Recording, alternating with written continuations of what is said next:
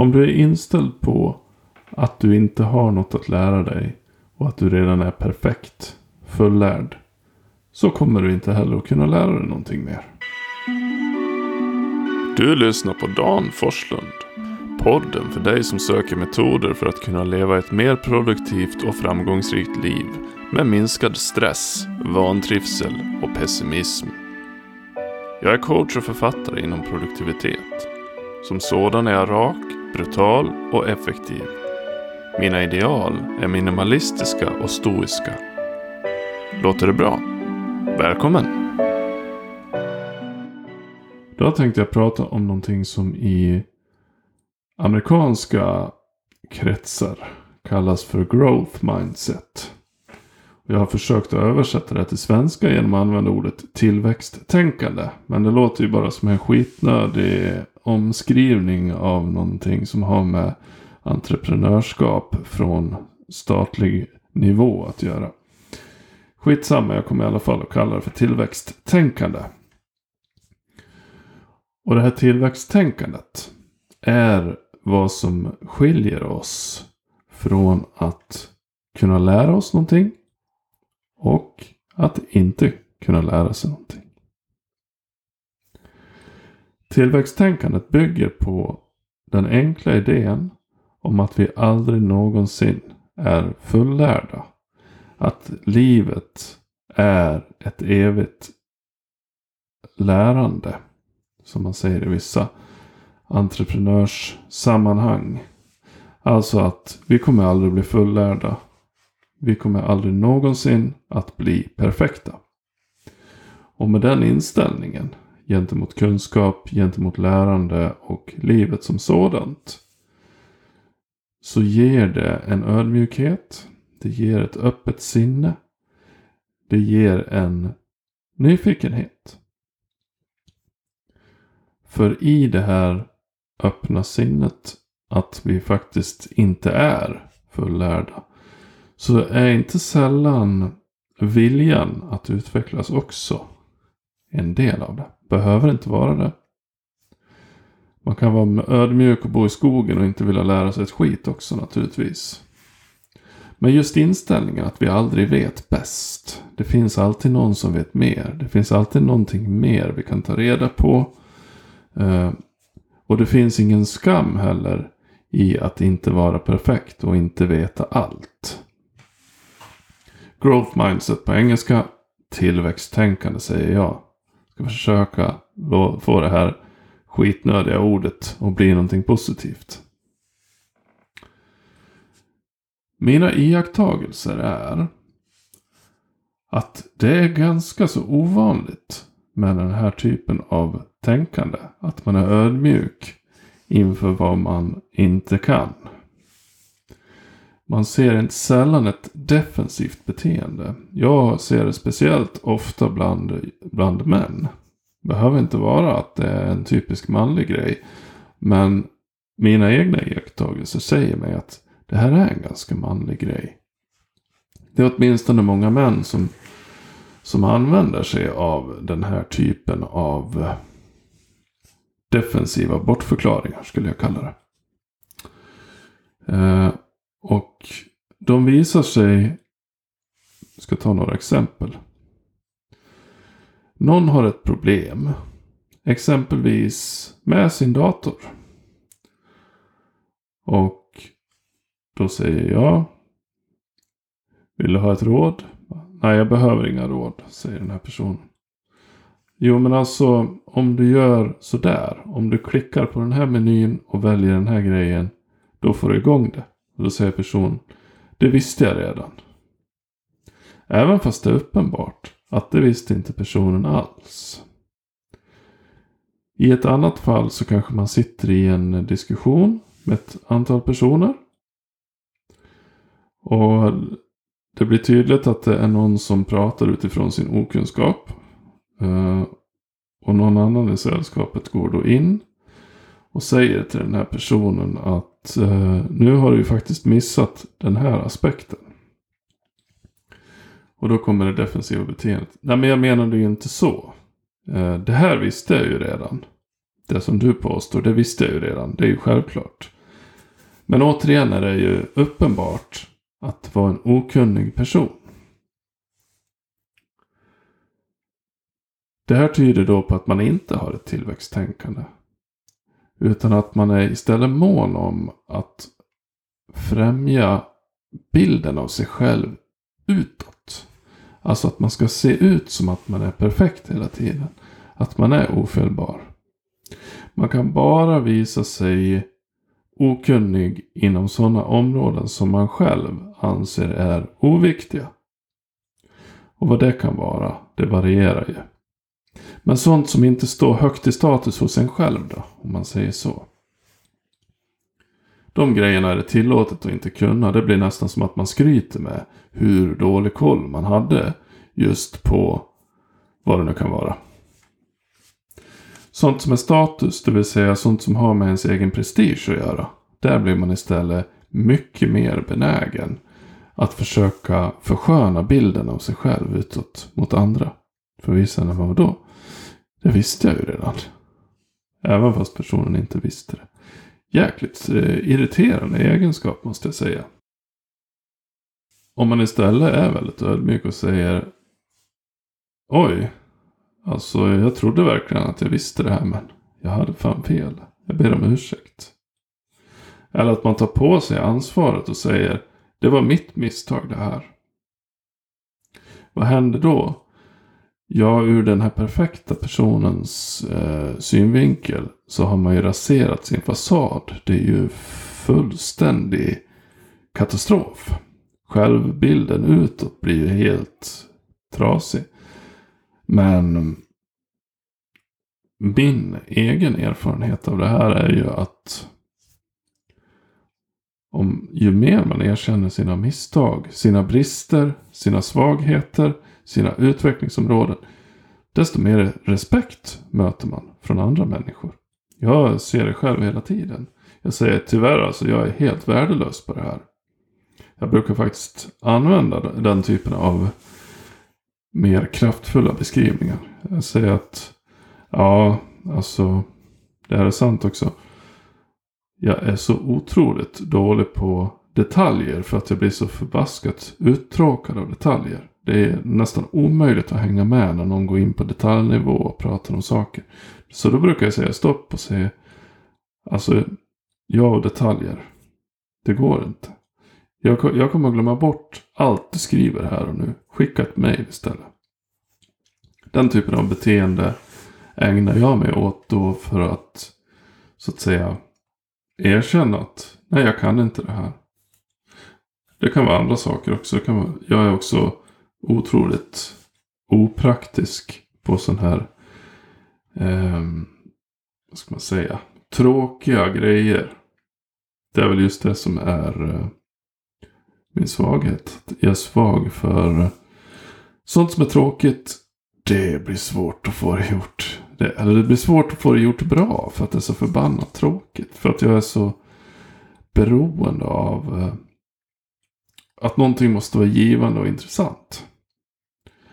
Ibland kan tråkigt ändå ge en lärdom så att man får helt enkelt stå ut. Men det är bra att vara medveten själv. Så här funkar jag. De här genvägarna tar jag mentalt. I de här typen av situationer har jag en tendens att fly eller försöka skjuta bort ansvaret. Eller överhuvudtaget delegera bort det till någon annan jäkel. Och det kan ju faktiskt vara en bra idé också. Men just att känna sig själv och känna sina utvecklingsområden. Och känna också de områden som är så pass värdelösa hos en själv. Så att man inte ens vill förbättra dem. Det kräver en medvetenhet om vem man är. Och jag skulle säga att det kräver just en ödmjukhet. För att du måste helt enkelt erkänna för världen. Jag är inte bäst på allt. Så enkelt är det. Det finns ingen som är bäst på allt. Men det finns de som försöker odla en idé om att de är perfekta. Grejen är ju att det är ju ingen som köper det där. Mer än de själva. Vilket får mig att tänka på att det finns ett begrepp som heter teflonman. Just ordet att det är en man med här också. Eh, stödjer lite grann det här jag sa förut. Att det är förmodligen vanligare hos män. Eh, I alla fall en teflonman. Eh, det, det kommer från någon politiker. Tror jag det var. Eh, som aldrig kunde dömas för någonting. Nej, det kanske var en brottsling. Skitsamma. Kanske var en brottslig politiker. Who knows. Det var i alla fall en person som inte kunde åka fast. Ordet teflon kom in i det här just för att teflon är sånt som ingenting fäster på. Det är liksom hal som en ål. är ju en sån där svensk eh, liknelse också. Som har att göra med att man inte får grepp om någon. Har som en ål. Svår att få fast. Men en teflonman är en sån som aldrig någonsin erkänner ett misstag. Jag kommer att tänka på det här att det är lite samma sak som det här att säga att jag är perfekt, jag har inget att lära mig och så fort något, en okunskap påvisas så kommer en kreativ förklaring på ja men det var ett missförstånd. Eh, gärna läggs det här eh, ansvaret då på den andra personen. Att det var inte så att den här teflonmannen fattade dåligt. Nej, nej, nej. Eh, det var den som förklarade, som förklarade för dåligt. Eh, teflonmannen förstod ju det här. Eh, hade förklaringen varit bättre så då hade, hade han ju direkt kunnat sagt att jo, jo, eh, det här har jag ju koll på. Och just att det alltid kommer en sån här ursäkt. Det finns alltid en förklaring. Om någonting har gått snett eh, när en sån här teflonman har varit i farten. Så finns det alltid en förklaring. Och den förklaringen är alltid utanför personen. Det är vädret, det är grannen, det är barnen, eller att bussen inte kom i tid. Eh, eller att, ja det kan vara vad som helst. Det kan vara att det är en produkt till exempel. Eller att det kan vara bilen eller datorn. Vad det än är så är det någonting som den här personen inte rår över. Det här är alltså ett sätt att undvika ansvar. Och jag ser att det här är samma sak. Den här viljan att försköna sig själv utåt. Jag ser att det är samma sak som oviljan att erkänna att jag är inte perfekt, jag är inte fullärd och så vidare. Jag hävdar att förmodligen så finns det ingen av de här personerna som lyssnar på, på poddar som min. För det här poddar för någon som är nyfiken och vill lära sig saker. Som vill ha inspiration. Jag lyssnar själv på poddar eh, som handlar om personlig utveckling och liknande saker. Och det är ju just för att jag förväntar mig att jag kommer att lära mig någonting. Jag läser böcker för att jag förväntar mig att lära mig någonting. Jag kollar på dokumentärer för att jag vill lära mig någonting. Eh, och det här är ju just, man har en inställning, en ödmjukhet. Men en teflonman behöver inte lyssna på det här för han vet redan allt. Han behöver inte lära sig ett skit någonsin. Så nästa gång du tänker dig att du är okunnig och tänker fan jag vet inte ett skit om det här. Då ska du tänka så här att vad bra. För jag hade, jag hade faktiskt kunnat sitta här och vara totalt okunnig. Men ändå tro att jag var en expert. Och det är ju liksom mycket, mycket värre. Så den här ödmjukheten om sin egen okunskap. Sen är det ju också så att vi vet en massa saker. Vi är bra på en massa saker. Som vi inte tänker på. Just för att vi är så pass bra på det. Och det här, de här grejerna upptäcker man ofta. När man pratar med en annan person som inte vet så mycket som ställer frågor. Och man inser själv. Jäklar vad jag har mycket att säga om det här. Exempelvis så, som det kan bli för mig när jag pratar om eh, produktivitet. Hur man jobbar smart och hur man får saker gjorda. Eh, hur man håller hjärnan tom, hur man planerar, allt sånt här. Men det är så förbaskat lätt att glömma bort att man är bra på det. För om man har inställningen att man alltid har mer att lära sig. Så kan man också dra iväg åt andra hållet och tänka att jag är totalt okunnig. När man egentligen vet väldigt mycket. Jag har sett det här hos duktiga programmerare. Som menar att de inte vet någonting alls. När de i, själva verket är otroligt bra på det de gör. Det är bara det att de jämför sig med den bästa i världen. Och så länge man inte är lika bra eller bättre än den bästa i världen eller fullärd. Då är man amatör. Och det där stämmer ju absolut inte. Det finns ett talesätt som säger att om man är ett steg före så är man en expert. Och på många sätt är det ju så. Du kan ta vilket område som helst. Du kan ta programmering till exempel. Om du har tio års erfarenhet så är det för, förmodligen förbannat bra. Men det är ju inte lika bra som någon som har 30 års erfarenhet. Men ändå så har du så otroligt mycket att lära ut till någon som en nybörjare. Så det finns hela tiden de här perspektiven. Och just idén om det perfekta är ett problem här. Eh, att man jämför sig med andra. Och det leder till en blindhet inför sina egna kunskaper. Som i många fall är omfattande. Ett tilläggstips här är att när det gäller tillväxt, utveckling av oss själva. Någonting som jag jobbar på själv just nu. Är att ibland så vet vi inte vad vi utvecklas av. Ibland vet vi inte vårt eget bästa. Därför att den versionen vi är just nu.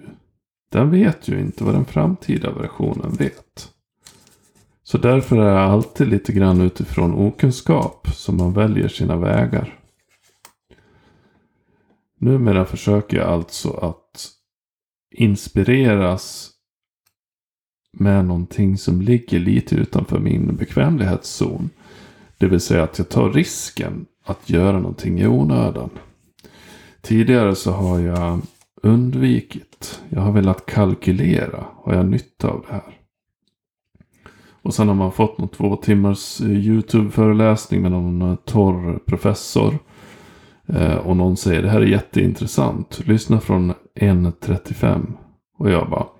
Nej tack. Den skiten vill jag inte ha. Jag säger inte att man ska tacka ja till allt som man får skickat till sig. Det kommer jag inte att börja med. Men eh, ödmjukheten inför att det kan finnas lärdomar i sånt som du själv inte förstår att det kommer att ligga lärdomar i. Det är en bra väg att gå. Att ta den risken. Och det är lite med ett leende på läpparna som jag säger det här just för att det är ganska svårt för mig. Jag har ganska ont om tid i mitt liv och jag vill lägga det på rätt saker. Och risken är ju då att, man snöar in sig själv och bara kör på säkra kort. Det finns inga säkra kort när det gäller kunskap utan ibland då måste du helt enkelt eh, plocka på dig någon bok som du tänker vad är det här? Hur ska jag ha nytta av det här? Det som jag väljer utifrån det är om det finns ett perspektiv som ifrågasätter mitt eget perspektiv så är det förmodligen av godo att ta sig an det här perspektivet. Jag har inget bra exempel just nu. Eh, men det kan också vara att man går in i ett helt nytt område. Det finns ju det vackra ordet serendipitet. Det betyder ungefär oavsiktlig upptäckt. Du kanske åker ner till det lokala biblioteket. Du ska ha en bok om träslöjd. Du råkar nysa. Och vips så trillar Tibetan Book of the Dead ner framför dig. Och du undrar, jaha ja, vad har vi här? Eh, och så öppnar du den, du läser i den och du hittar en fin symbolik till det fina stycket om smörkrivar som du hade tänkt skriva. Och jodå, jag vet att det finns minst en person där ute som sitter och ler över att jag erkänner de här grejerna. Över att man faktiskt kan göra sånt som känns onödigt innan. Det är ett erkännande. Det är någonting som kan leda till kunskap. Att man inte snöar in i sig själv. Att man inte alltid måste fortsätta och köra enligt samma spår. Och bara gå på sin tidigare inställning. För att våga få ny kunskap är också att kasta sig ut i en, ett okänt land. Så fortsätt vara nyfiken. Fortsätt vara öppensinnad. Fortsätt att inte försöka försköna din yttre fasad. För det är ingen som vill ha en perfekt person runt sig på det här sättet. Det är ingen som vill ha den felfria fasaden. Det är bara ointressant. Hellre någon som skaver och, och spretar och är inkonsekvent än en perfekt paketerad lögnare. Tack för att du lyssnade på min podd. Har du frågor som du vill att jag tar upp i podden? Maila mig på kontakt danforslund.se eller skicka meddelande till Forslunds fantastiska värld på Facebook. Den har adressen facebook.com forsfant. Vi hörs!